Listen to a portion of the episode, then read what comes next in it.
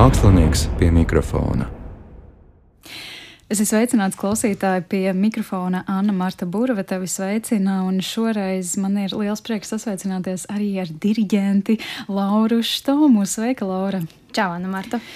Laura, mēs šodien runāsim par manuprāt, ārkārtīgi nozīmīga tēma, tāda, kas vēl nav pacelta tik publiskā vidē, tik atklāti. Tā būs sievietes un diriģēšana.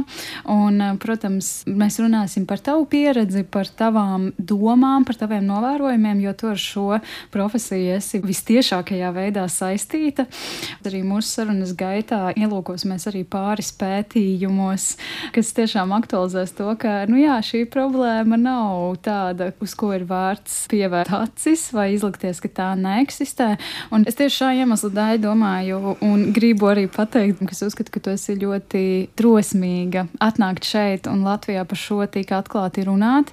Pašā sākumā gribu tev jautāt, um, kā tu vispār nonāci līdz diriģēšanai, tā kā tu mācījies Rīgas domu koru skolā. Es pieļauju, ka tā nebija tava izvēle stāties kordiriģentos, ka tie bija tavi vecāki, kas to izvēlējās, vai varbūt uh, bija pilnīgi citādāks stāsts.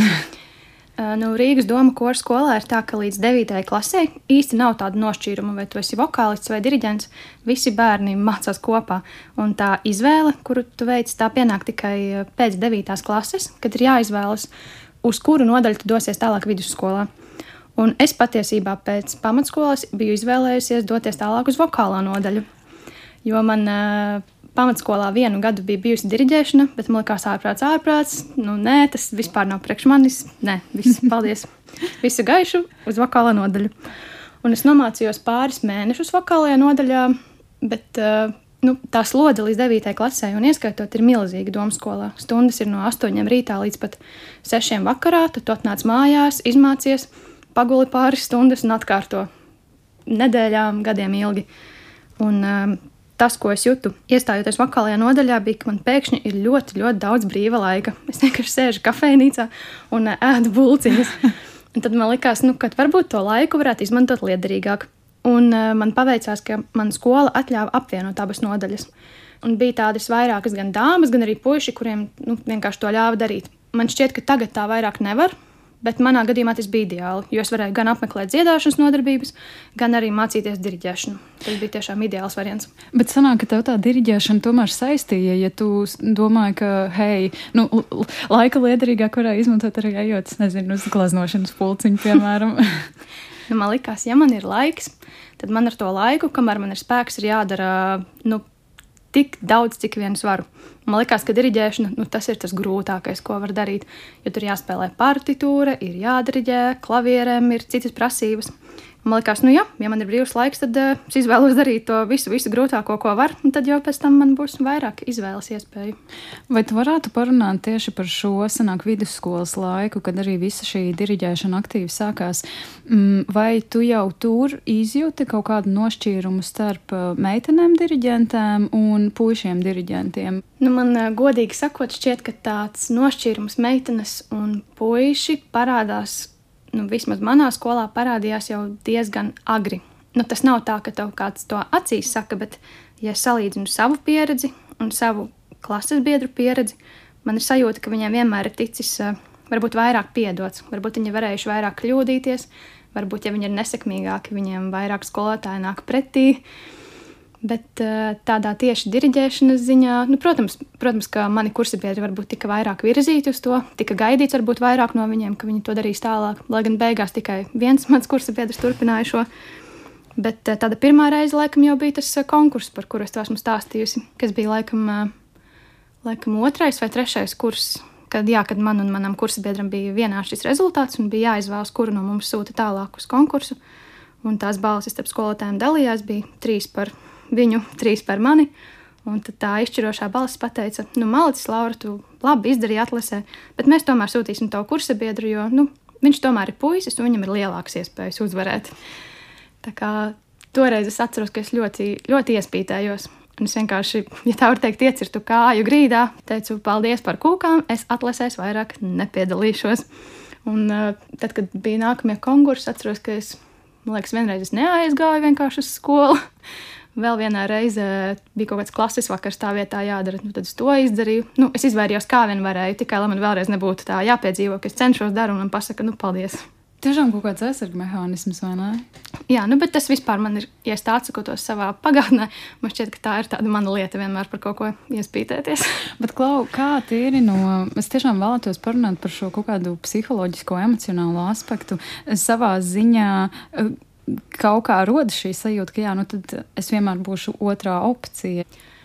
Nu, man liekas, ka tur ir, manā gadījumā, ir divi virzieni šim jautājumam. Jo viens ir tāds, ka ja es arī esmu kādreiz bijusi otrā opcija profesionālajā dzīvē, kas saistās ar darba piedāvājumiem vai skolu, tad eh, es nekad neesmu jutusies kā otrā opcija manā privātajā dzīvē, kas ir mana ģimene man tuvie cilvēki. Viņi man nekad tā nav likuši justies, tāpēc kopā bija tāds līdzsvars, un man nebija sev tik daudz pašpārmetumu vai nebija tik bēdīgi varbūt par šo. Bet uh, otra lieta par to izvēli, ka tu esi vienmēr otrais, Nu, es domāju, ka mēs, mēs visi ar laiku izaugam, arī es izaugu. Un vienā brīdī es sapratu, ka labāk ir tomēr pieredze, vienalga kā tā ir gūta, vai kā pirmajai vai otrajai opcijai. Bet tas vienmēr ir labāk nekā spītēties un dabūt nulli pieredzi. bet nu, līdz tam bija jāizaug, tas jāatzīst. Jā. Es vēl gribēju piebilst par uh, to gadījumu ar konkursu, ka tagad es skatos ar savu pieaugušu cilvēku prātu. Un man šķiet, labi, jā, tas nebija godīgi pret mani, protams, bet tas nebija godīgi arī pret to manu kursabiedru. Jo līdz ar to, ka viņam tika pateikts, tu esi puisis, tev ir lielākas iespējas, nu tā atbildības nasta taču divkāršojas, trīskāršojas. Pat netiek varbūt pat pieļauta tāda doma, ka tu vari netikt nākamajā kārtā, ka tu vari nebūt tik stiprs, tu taču, ir, tu taču esi puisis, tev tas ir jāvar. Un tas, protams, arī nenāca par labu tādām kursabiedru attiecībām. Es priecājos, ka tas ir sen jau aiz muguras. Un, Un, mēs esam joprojām tuvi draugi, bet, protams, tas bija tāds grūts brīdis. Klaubat, vai jūs savā starpā esat vispār runājuši par šiem kaut kādiem nošķīrumiem? Vai nu tas ir bijis arī ar citām meitenēm, kas mācījās diriģēšanu, vai tas ir kaut vai jā, ar to pašu tavu kursa biedru? Nu, droši vien kaut kad apspriedušas mēs to esam, bet uh, es nesen lasīju uh, manas kursabiedrenes Noras Vanegas pētījumu, Un, uh, viņa tieši pētīja, par, uh, pētīja jautājumus par sievietēm, diriģentēm, un viņa bija intervējusi Igaunu diriģenti Kristīnu Posku. Un viņa minēja šo tādu frāzi, ka, ja tu atzīsti, ka tu esi tikusi diskriminēta, tad līdz ar to tu sevi nostādi upura lomā. Tāpēc es domāju, ka arī vismaz no tādas manas puses es varbūt neesmu ļoti daudz kādam čīkstējusi vai ar kādu aktualizējusi šo tēmu, jo nu, kurš tad grib būt upuris? Tu gribi būt tas, kuram sanāk, tas, kuram izdodas. No vienas puses, jā, bet es tajā pašā laikā domāju, vai tēmas aktualizēšana nozīmē upurību tajā pašā laikā. jā, tas laikam ir tāds šaurs tiltiņš, ko es, ko es ceru, mēs šodien noiesim. bet vai tev pēc šīs visas kaut kādas attieksmes arī, ja mēs, piemēram, ņemam šo konkursu piemēru, vai tev kaut kādā brīdī neradās sajūta, ka, hei, es gribu pamest šo visu, šitais reāli nav godīgi pret mani? Man tāds sajūta bija ļoti, ļoti daudz reizes. Un patiesībā, kad es gatavojos nākt pie tevis, es sarakstīju uz papīra visu to savu chronoloģiju, kur es esmu mācījusies, kā es tur nokļuvu nākamajā vietā. Un es sapratu, ka ļoti liela daļa no tā ir vienkārši sagadīšanās. Jo es atceros sevi vēl bakalaura vidū, kad es biju domājis, ka viss, es pabeigšu šo skolu, un es nebūšu vairs nekāda diriģente, man tas ir par traku, man, man tas droši vien tik labi nesanāk, un vispār kāpēc man to vajag. Bet jā, tā vienkārši sanāca. Vai nu tas bija toreiz, ka nokavēju citus iestāju eksāmenus un tiku uz šiem, vai tas bija mans vīrs, kurš man varbūt pateica kaut ko īsti derīgu tajā brīdī. Tas tiešām viss tā vienkārši sakrita. Tu vari parunāt par savu pieredzi akadēmijā, jo mēs tagad runājam jau par skolas laiku. Kā bija tad? Tu iestājies akadēmijā, kordiriģentos. Kas tālāk notika? Nu, man šķiet, ka jau iestājoties akadēmijā, kordiriģentos, man vispār ir vienmēr bijusi tā sajūta, ka es esmu kaut ko iekavējusi. Jo tad, kad es iestājos akadēmijā, kordiriģentos, kad es nostājos kora priekšā, skaidrs, ka man tā bija viena no pirmajām pieredzēm, kad es esmu pie kora. Savukārt mani kursa biedri, mani skolas biedri, viņiem jau visiem, būtībā visiem bija jau eh, darba pieredze vidusskolā. Cenāk, ka viņi bija tos četrus gadus jau strādājuši reāli ikdienā, un es biju četrus gadus skatījusies. Man liekas, kā es vispār nu, kā es varu nākt pēc viņiem diriģēt un strādāt. Protams, ka es būšu vājāk. Tas tāpēc, ka skolas laikā viņiem arī tika dota tā iespēja iemēģināt, tā teikt, žestu. Nu, viņiem kori, tika ja? piedāvāta darbi, darba iespējas ārpus skolas, kaut kādi amatieru kori vai, vai ansambļi, kas arī ir loģiski. Jo, nu, kāpēc puišiem tieši piedāvā? Jo nu, koriem vajag dziedātājus. Un, ja tev strādā diriģents, kordiriģents, kas ir arī dziedātājs, nu, tad tu esi dubultā ieguvējs. Bet uh, vismaz manā laikā meitenes savukārt tikai retā vidusskolas laikā strādāja. Un tā pieredze būtībā bija nu, tā kā man. Es sagatavoju savu vidusskolas eksāmenu. Nākamā mana pieredze pie kora bija akadēmijā kaut kādi atsevišķi skaņdarbi, varbūt. Bet, nu, līdz es nedabūju darbu, tā pieredze bija vienkārši nu, nožēlojama, maza salīdzinoši. Paturpinot par tēmu, ka lielai daļai puišu jau vidusskolā tiek dots darba iespējas, es gribēju pieminēt, ka nu, es to savā galvā esmu noformulējusi tā tādu uzticības kredītu. Un kāpēc es to atceros un pieminu? Jo man šķiet, ka daudzi puiši nemaz nezina, ka viņiem tāds ir. Kā es to domāju, tas ir. Tas izpaužas apmēram tā, ka tu iestājies vidusskolā, tu esi puisis, un tu būtībā neko vēl neesi izdarījis, bet tev jau piedāvā darbu, tevi jau aicina koros, tevi jau sūta uz konkursiem, par tevi jau domā kā jauno un daudzsološo. Sanāk, ka tev jau sākumā iedod tādu starta paciņu, lai tev labi veicas. bet, piemēram, ja es atskatos uz savu pieredzi, nu, man nebija šīs starta paciņas. Man drīzāk bija citādāk par katru iespēju kaut kur uzstāties, kaut kur strādāt. Tas bija būtībā ar zobiem un nagiem, lai vispār tiktu pie tā klāt. Un tad tā atšķirība, kas veidojas, ir jau pēc pāris gadiem, kad lūk, ir bijuši vieni tie, kuri četrus gadus ir strādājuši, un ir tie, kuri četrus gadus ir skatījušies. Protams, ka tie, kas ir strādājuši, tiem veicas labāk, bet man šķiet, tas, ko viņi nesaprot, ir tas, ka pašā sākumā mums nebija vienlīdzīgas iespējas. Kāds no mums šo sacensību sāka ar pamatīgu handikapu. Vienkārši kāds sāka skriet no starta līnijas, bet uh, otru aiz rokas aizveda līdz distances pusē, un viņa sākums bija tur. Jau pieminētajā Noras Vanagas pētījumā tas pētījums tika veikts 2019 gadā ar nosaukumu Simfoniskā orķestra diriģentes 20. un 21. gadsimtā. Viņa intervēja diriģenti Lauru Stašu, un šajā intervijā Laura minēja, ka viena no lietām, ko viņai pedagogs un diriģents Imants Resnis teica, stājoties, nu, šoreiz orķestra diriģentos, bija rēķinieties, ka jums vienmēr būs jābūt labākai par vīrieti. Nav tā, ka tas ir bezcerīgi, bet pie apmēram vienādiem nosacījumiem vienmēr izvēlēsies vīrieti. Un viņa arī šo uh, domu paturpināja, sakot, ka es domāju, ka tā ir dzīves realitāte, kuru ir muļķīgi noliegt vai izlikties neredzam. Vai tu vari pareflektēt par šo domu, Laura? Es domāju, ka otrai Laurai uh, ir taisnība. Es viņai piekrītu tādā ziņā, ka es pati esmu bijusi tādā situācijā, kad šķietami līdzvērtīgos apstākļos priekšroka tiek dota vīrietim. Un tas, protams, šādas situācijas raisa tevī pašā pārdomas, vai vispār ir vērts darīt. Bet kas vēl, kas vēl trakāk, tas raisa šaubas par tava paša varēšanu. Es, piemēram, pati pēc dabas esmu ļoti paškritisks cilvēks, ļoti pedantiska. Un, man liekas, nav vēl šo gadu laikā tapis neviens ne dziedāšanas ieraksts, ne diriģēšanas ieraksts, kad man liktos, wow, nu šis ir baigi labi malcis, Laura. Bet katra šāda situācija, kad tiešām tā priekšroka ir dota kādam citam, lai gan tu esi darījis pēc labākās sirdsapziņas, tad uh, tas tikai pazemina tavu vērtību tevis paša acīs un kaut kā tavs darbs neliekas tik vērtīgs. Jā. Un tas, protams, uzreiz arī ietekmē to psiholoģisko un emocionālo. Mēs varam runāt arī par to, ka nu, jā, cilvēki var teikt, bet, nu, bet kā, nu, bet sievietēm ir visas tiesības stāties diriģentos. Jā, es tieši arī nācu pie tevis un domāju, ka ja kāds klausās šo interviju no orķestra diriģēšanas nodaļas, tad viņš var teikt, nu jā, bet viņas vienkārši nenāk un nestājas. Ko tad lai es daru? Taču nav mana vaina. Kas īstenībā, nu, protams, ka ir taisnība. Bet varbūt ir jāiet tālāk un jājautā, kāpēc ir šāda situācija. Pirms kādas nedēļas vai divām eh, es ar vienu ceļabiedru, arī profesionālu mūziķi, gāju pa ielu, un es viņam teicu, ka vienreiz maģistrantūrā man bija tā, ka man teica, Laura, tu vispār visu dari forši, daudzas lietas simpātiski, bet nu vispār es esmu pret sievietēm, diriģentēm. Un šis mans ceļabiedrs teica, nu jā, bet zini, vispār piekrītu, nu pēc kā tas izskatās. Un es, eh, nu, es gāju pa ielu un es domāju, labi, jā, es tevi dzirdu, tu saki, pēc kā tas izskatās. Bet vai šī nebūtu situācija, kad būtu vērts pajautāt, nevis kā tas izskatās, ka tas izskatās nepareizi, varbūt pajautāt, kāpēc tev tas izskatās nepareizi. Varbūt tu vienkārši neesi pieradis.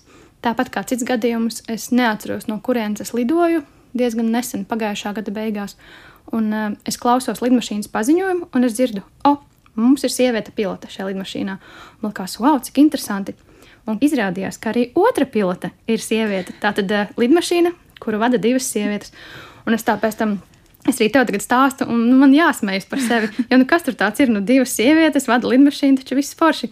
Bet tur jau tā lieta, ja tā būtu katra otrā lidmašīna, kur man priekšā būtu sieviete, kura vadītu manu lidmašīnu, man tas neliktos vairs nekas pārsteidzošs. Tā būtu ikdiena. Tas jocīgums ir tajā izņēmumā. Un arī tas, ka mēs šeit sēžam un runājam par to, vai ne, bet mums īsti.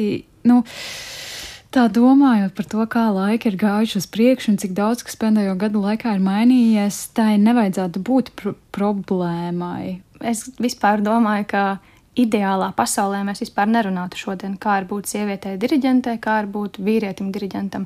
Tas, kam būtu jābūt mūsu uzmanības centrā, ir pirmkārt mūzika, un otrkārt, vai šī konkrētā persona, šis konkrētais cilvēks ir labs mūziķis.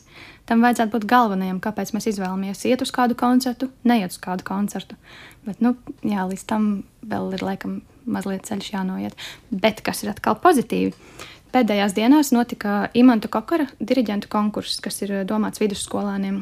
Un es tā, starp citu, uzmetu mazliet aci, paskatījos tiešraidi. Un kas man šķita ļoti pozitīvi, ka starp dalībniekiem nu, pat nav tik svarīgi, cik bija puiši, cik bija meitenes, bet ka arvien vairāk šiem dalībniekiem uh, aprakstos parādās, ka viņi jau reāli strādā ar koriem, ka viņiem ir darbs. Protams, ka visiem puišiem tur bija darbs, bet arī lielai daļai meiteņu bija darbs. Un tas man liekas, uh, ir tik forši. Jo, protams, ka jo vairāk tu strādā, jo labāks tu kļūsti, jo labāks ir tavs spējas. Tā kā pirms desmit gadiem tā vēl nebija. Bet šodien mēs tiekamies, un tā jau ir. Par to man tas ir prieks. Tas ir brīnišķīgi. Tas nozīmē, ka viss iet uz priekšu. Laura, es gribētu te pajautāt, varbūt par maģistra laiku mm, tavā dzīvē. Ir ļoti interesanta situācija. tu iestājies Jāzapa Vīto Latvijas Mūzikas akadēmijā kordiriģentos, bet tad tu paralēli arī braukāji uz Igauniju. Vai vari pastāstīt, kāpēc? Nu, tas atkal ir uh, mazliet sakritību stāsts, jo bakalaura beigās es mazliet sajuku prātā. Kā es to domāju, uh, bakalaura beigās katram diriģentam ir jāatskaņo trīs skaņdarbi. Un uh, es kaut kā diskusijās ar savu tālāku skolotāju, mēs nonācām līdz idejai, ka hmm, varbūt varētu tagad izveidot mazu orķestra sastāvu. Un tad es meklēju cilvēkus, savus kursabiedrus, skolas biedrus, rakstīju viņam katram Facebookā. Protams, krāju naudu, jo man bija vienmēr stipendija katru mēnesi, un tad es no septembra jau atliku, un līdz pat vasarai krāju. Un tad visu šo naudu iztērēju, lai man būtu beigās uz eh, bakalaura beigšanu orķestris. Nu, protams, ka mēģinājumu nebija daudz, tur bija tikai viens skandarbs. Un atceros, ka pirmais mēģinājums bija tiešām graujošs. Labi, ka mans skolotājs nepameta mani vienu pašu, jo nu, tu nostājies orķestra priekšā, pacēl rokas, un tur kaut kas skan, un tu saproti, ka skan nu, pilnīgi kaut kas, nu, kam tur vispār nevajadzētu skanēt. Bet tāpat laikā nu, tev īsti nav nekādas apjēgas, ko lai tu tādu pasaki, ko lai tu izdari, lai tas skanētu labāk. Nu, jā, toreiz man palīdzēja skolotājs, bet uh, tas bija tāds kā pirmais ieskats tajā, ka oh, šī ir vēl tāda joma, ko es vispār nepārzinu. Tas ir kaut kas jauns, bet nu, es vispār gribētu pārzināt. Varbūt, varbūt šis varētu būt virziens. Un, um, Mans tā laika draugs, nu jau vīrs, viņš eh, jau mācījās Tallinā. Viņš jau gadu tur bija nomācījies. Man liekas, diezgan tā loģiski braukt un stāties tajā pašā skolā, nevis vēl kādā citā skolā.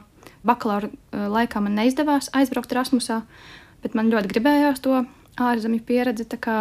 Es izlēmu par labu Igaunijai.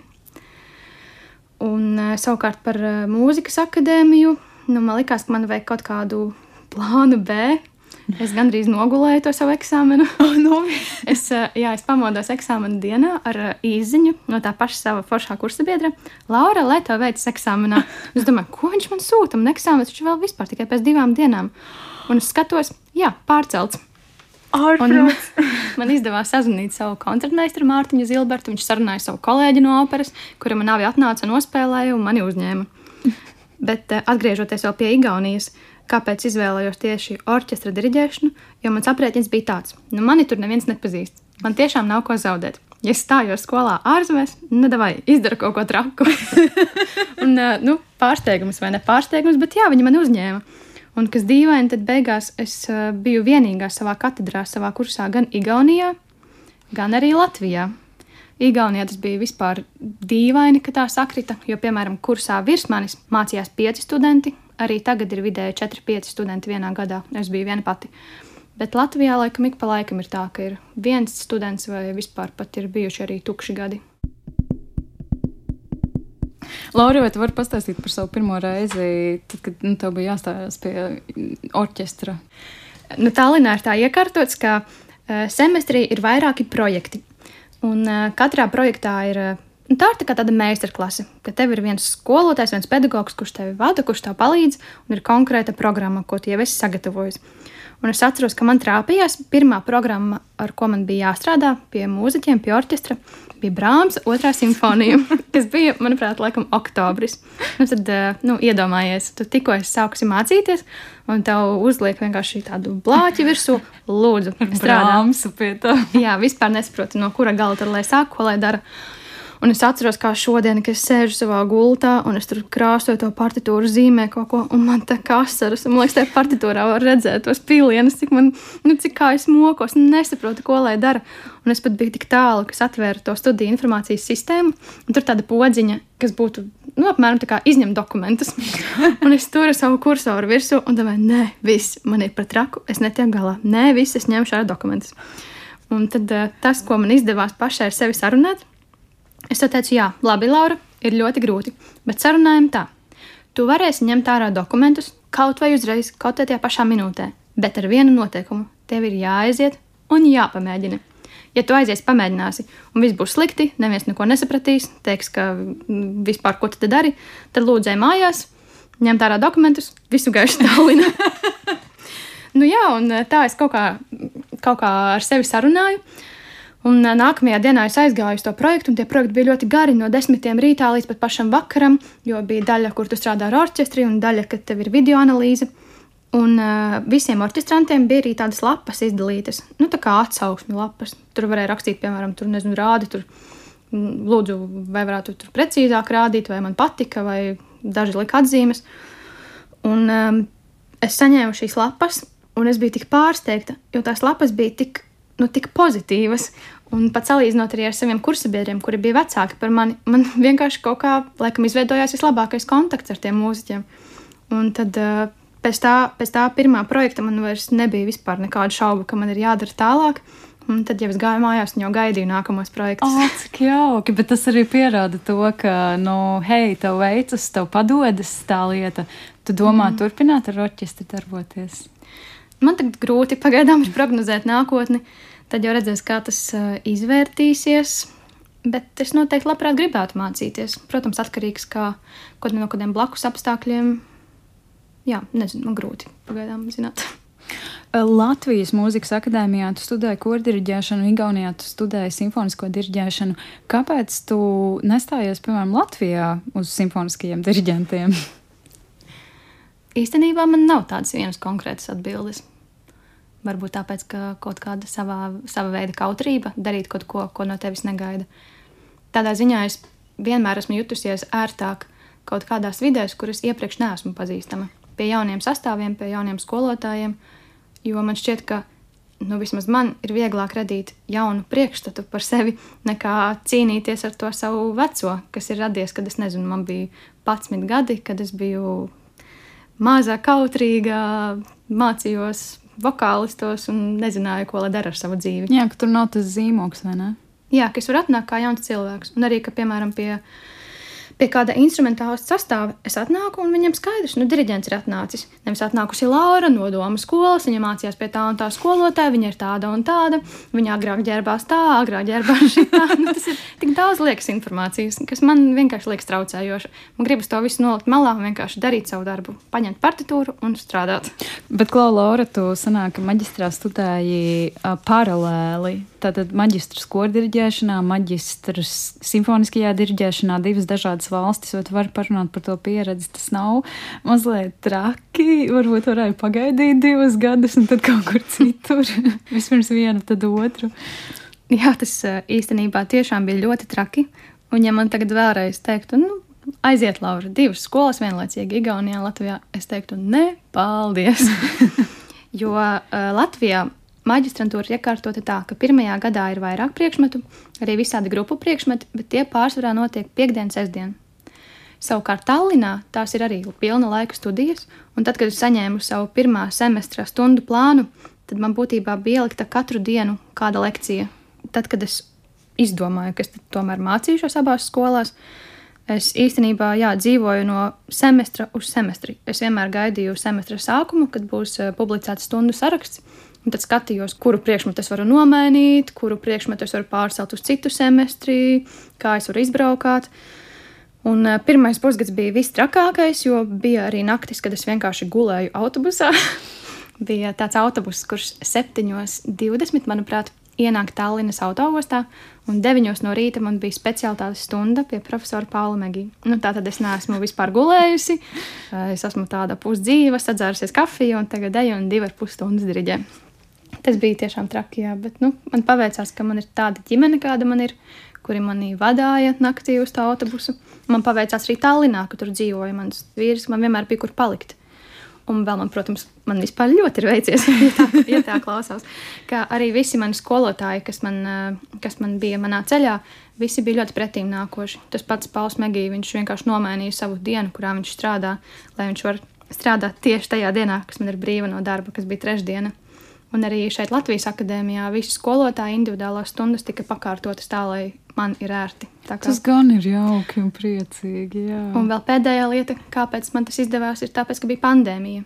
Lai cik tas būtu tāds uh, grūts laiks mums visiem, vispār sabiedrībai kā tādai, bet man tas nāca par labu, jo tādas grupu lekcijas es varēju vienkārši sēdēt savās mājās, salaspīlī un klausīties uh, Tallinas lekcijas, un pēc tam pārslēgties uz Latvijas lekcijām ja nebūtu pandēmijas, es neesmu droša, ka man izdotos abas divas tiešām iesākt vienlaikus un arī pabeigt.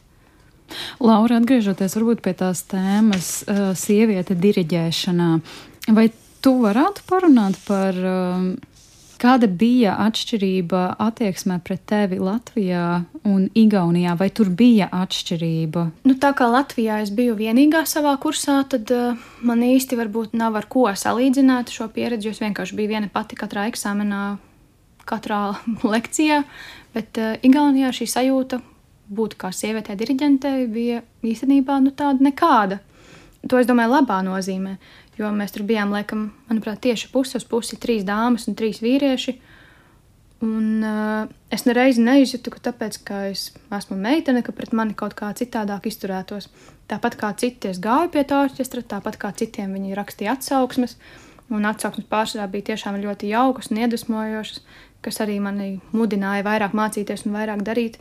Bet jā, es nereiz nesaskāros, ka vispār kādam tā liktos pieminēšanas vērtā detaļa.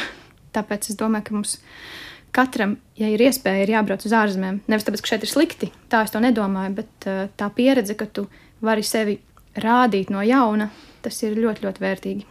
Es domāju, ka viens no iemesliem, kāpēc dāmas tomēr izvēlas nestāties simfoniskā orķestra diriģentos, ir tas, ka vienkārši trūks tāda veiksmīga piemēra.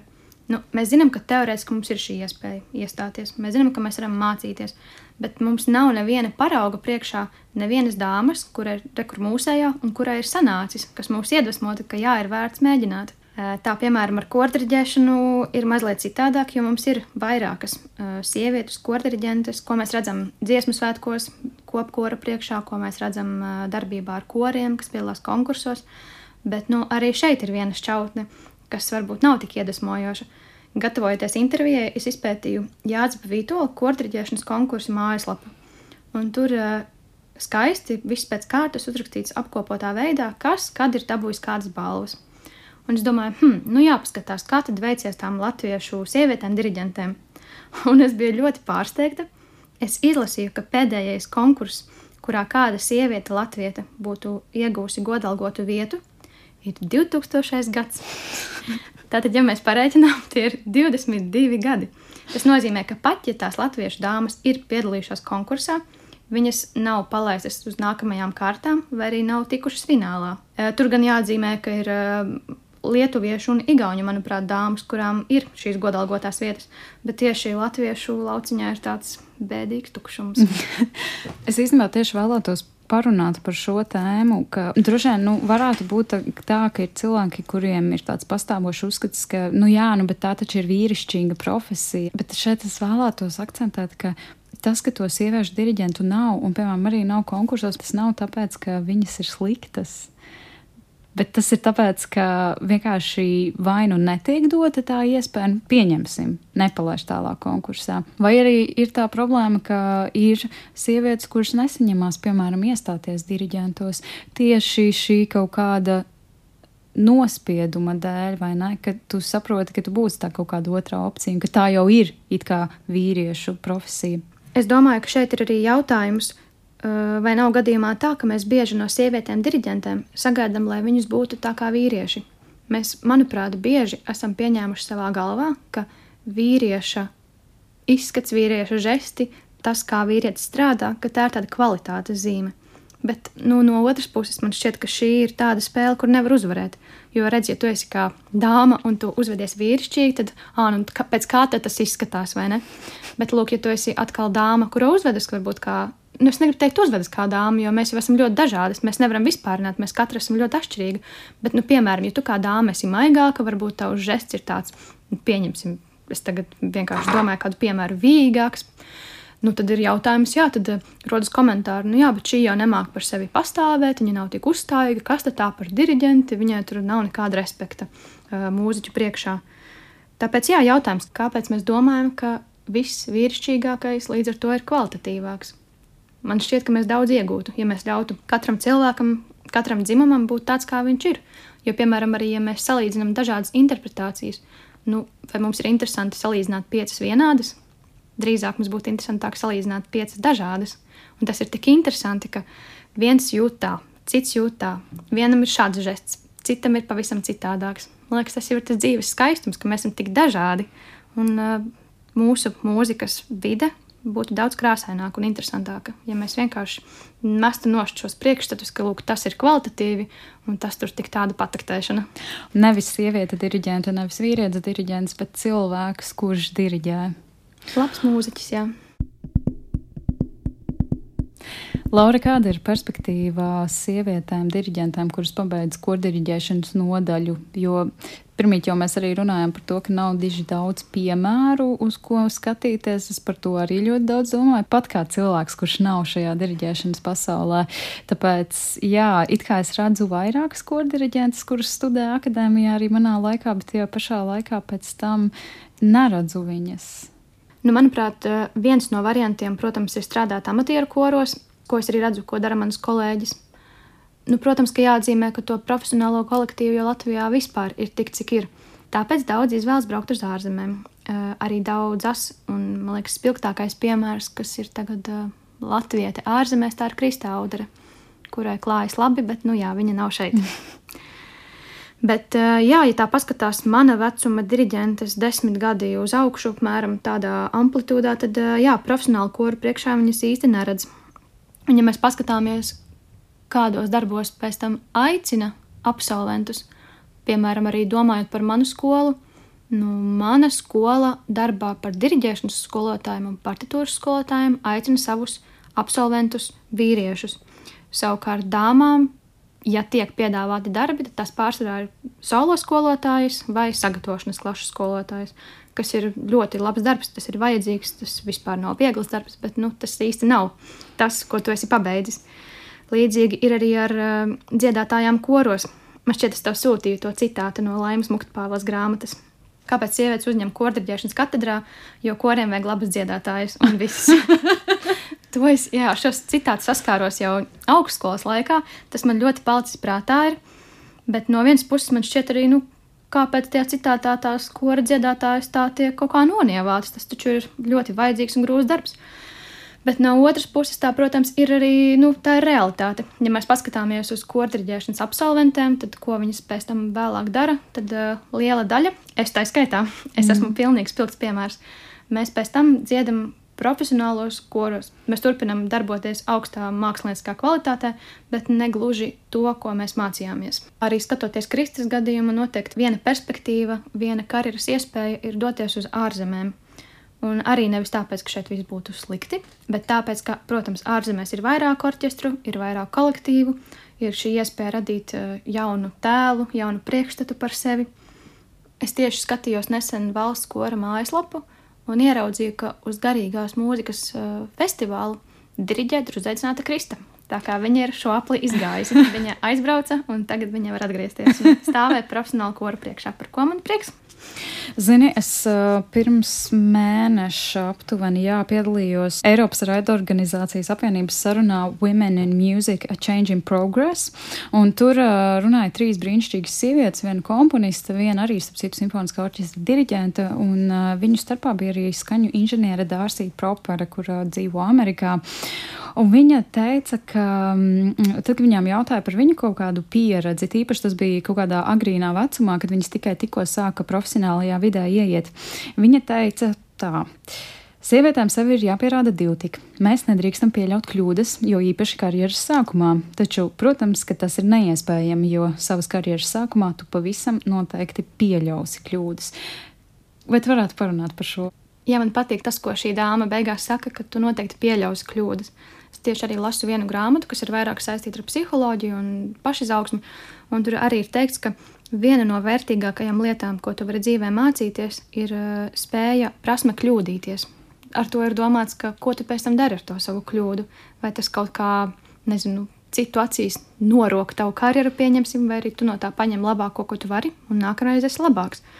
Bet, protams, kā arī es esmu redzējusi tādas situācijas, par ko man ir radušies jautājumi, kā piemēram ir eh, kvalifikācijas eksāmeni. Un atceros spilgt vienu piemēru, kad eh, viens absolvents topošais, viņš pēdējā brīdī nomainīja kaut kādu izpildītāju sastāvu, ieviesa izmaiņas, un gala rezultātā priekšnesumā eksāmenā koris nojauca. Nu, mēs vienkārši pazaudējāmies. Protams, ka mēs kaut kā pēc tam sapratāmies, tikām atpakaļ, bet, nu, jā, tā tad bija kļūda. Bet kas man likās uh, jocīgi, ka tāpat pēc tam žūrija šim beidzējam ielika desmit ar tādu pamatojumu, ka, nu jā, bet viņš jau citreiz sevi ir tik labi pierādījis, viņš mums tāds jauns daudzsološs, nu lūdzu desmit. Savukārt tāpat laikā es arī esmu redzējusi dāmas, kuras izlien ārā no ādas uz savu beigšanas eksāmenu, saicina visādus instrumentālistus, ļoti, ļoti daudz darba ieguldīts, un uh, viņas izdara nevainojami, koncentrējas un nu, tiešām labāko savu variantu, un viņas šo desmit nedabū. Un viņas pēc tam aizklausās raudu un pasaka, ka viss, nē, es braucu uz ārzemēm, es vairs nebūšu diriģente. Es zinu tiešām vairākas tādas, par ko man žēl, jo man šķiet, ka šīs dāmas būtu ļoti labs papildinājums mūsu mazajai mūzikas sabiedrībai. Bet man šķiet, ka tas ir arī tāds dziļāks jautājums vispār pedagoģijā par to, ko mēs vēlamies pateikt ar šīm atzīmēm. Vai mēs vērtējam konkrēto priekšnesumu konkrētajā brīdī, kas, protams, maina, tad eh, kā mēs liekam šo atzīmi, vai arī mēs vērtējam to, cik cilvēks ir izaudzis pa šo laiku mācību procesā. Tās ir divas atšķirīgas pieejas, jo jākļūdās ir visiem. Tas vienkārši tā ir, ka neviens nevar nekļūdīties. Nezinu, kādam tur būtu tur kāds wunderkins, var nekad ne, nekļūdīties vai būt ģeniāls, ideāls, bet, bet jā, jākļūdās ir. Bet jā, tā problēma ir tā, ka es, piemēram, arī pati personīgi, arī kaut vai savā profesijā, esmu reizēm izjutusi to lielo problēmu, ka man ir jābūt nedaudz perfektākai, varbūt, nekā, nekā kādam vīrietim. Bet arī, varbūt, es nezinu, mēs Laura varētu arī šajā brīdī kaut kādā veidā akcentēt. Mēs nekādā veidā nevainojam vīriešus. Ja nu gadījumā kādam radās šāda doma sarunas laikā, mēs tikai un vienīgi gribam aktualizēt šo jautājumu un vienkārši atspūgļot to realitāti, kas iespējams jau parādās izglītības sistēmā sistēmā, sākot jau ar sākumskolas laiku, kad pasaka, ka puiši uzceliet krāslus uz galda. es domāju, ka ļoti daudz meitenes jau zinās un spēs rezonēt ar to, ka um, kājiņa tiek iecirsta grīdā un mēs paši paceļam tos krāslus. Bet uh, mums tām iespējām reizēm mm, ir jābūt vairāk, man ir sajūta, un ka cilvēki varētu reizēm varbūt arī noticēt vairāk, jo tā kaut kāda vispārējā sajūta par to visu situāciju, diemžēl, ir tāda, ka jā, uz papīra viss izskatās smuki un mēs varam visu, bet problēma ir tieši tajā psiholoģiskajā stāvoklī, kāds tiek pasniegts un kāds tiek mums jau no ļoti agras bērna kājas radīts. Jā, es piekrītu. Es domāju, ka neviens jau par spīti nevēlas kādam darīt pāri. Mēs nevēlamies speciāli kādu diskriminēt, speciāli likt zemākas atzīmes, speciāli kādu apbēdināt. Nu, es domāju, ka tā nav. Bet arī jāsaprot, ka mēs ik katrs kā cilvēks, mēs rīkojamies atkarībā no tā, kāda ir mūsu līdzinājā pieredze, kāda ir sabiedrība, kāds ir piemērs, ko mēs esam līdz šim redzējuši. Un mēs būtībā esam mazliet tā kā tādi nu, datoriņi. To programmu, ko mēs zinām, tādā mēs rīkojamies. Tāpēc šie vīrieši noteikti nav vainīgi, ka viņi dara tā, kā viņi dara. Viņi vienkārši nezina, kā ir citādāk. Laura, mūsu sarunas noslēgumā es tev vēlētos jautāt um, par skatu nākotnē. Kas varētu būt labāk?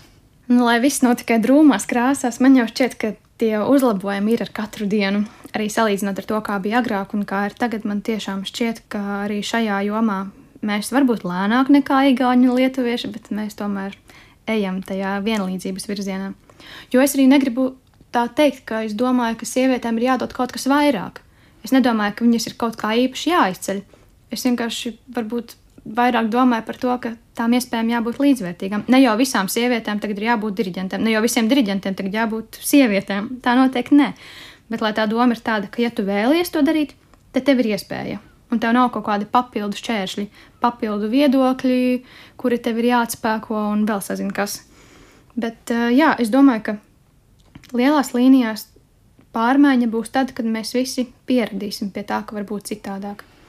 Un skatoties, kā šī situācija, kā šis jautājums tiek risināts ārzemēs, es zinu, ka Rietumē Eiropas orķestros ir ieviestas kvotas. Un tās kvotas uh, ir tādas, ka, nu, piemēram, ir orķestris, un tad uh, ir kaut kāds konkrēts procents, kurš nosaka, cik no aicinātajiem viesmāksliniekiem ir jābūt sievietēm. Nu, pieņemsim, 30% no visiem diriģentiem, ko mēs aicinām, ir jābūt sievietēm.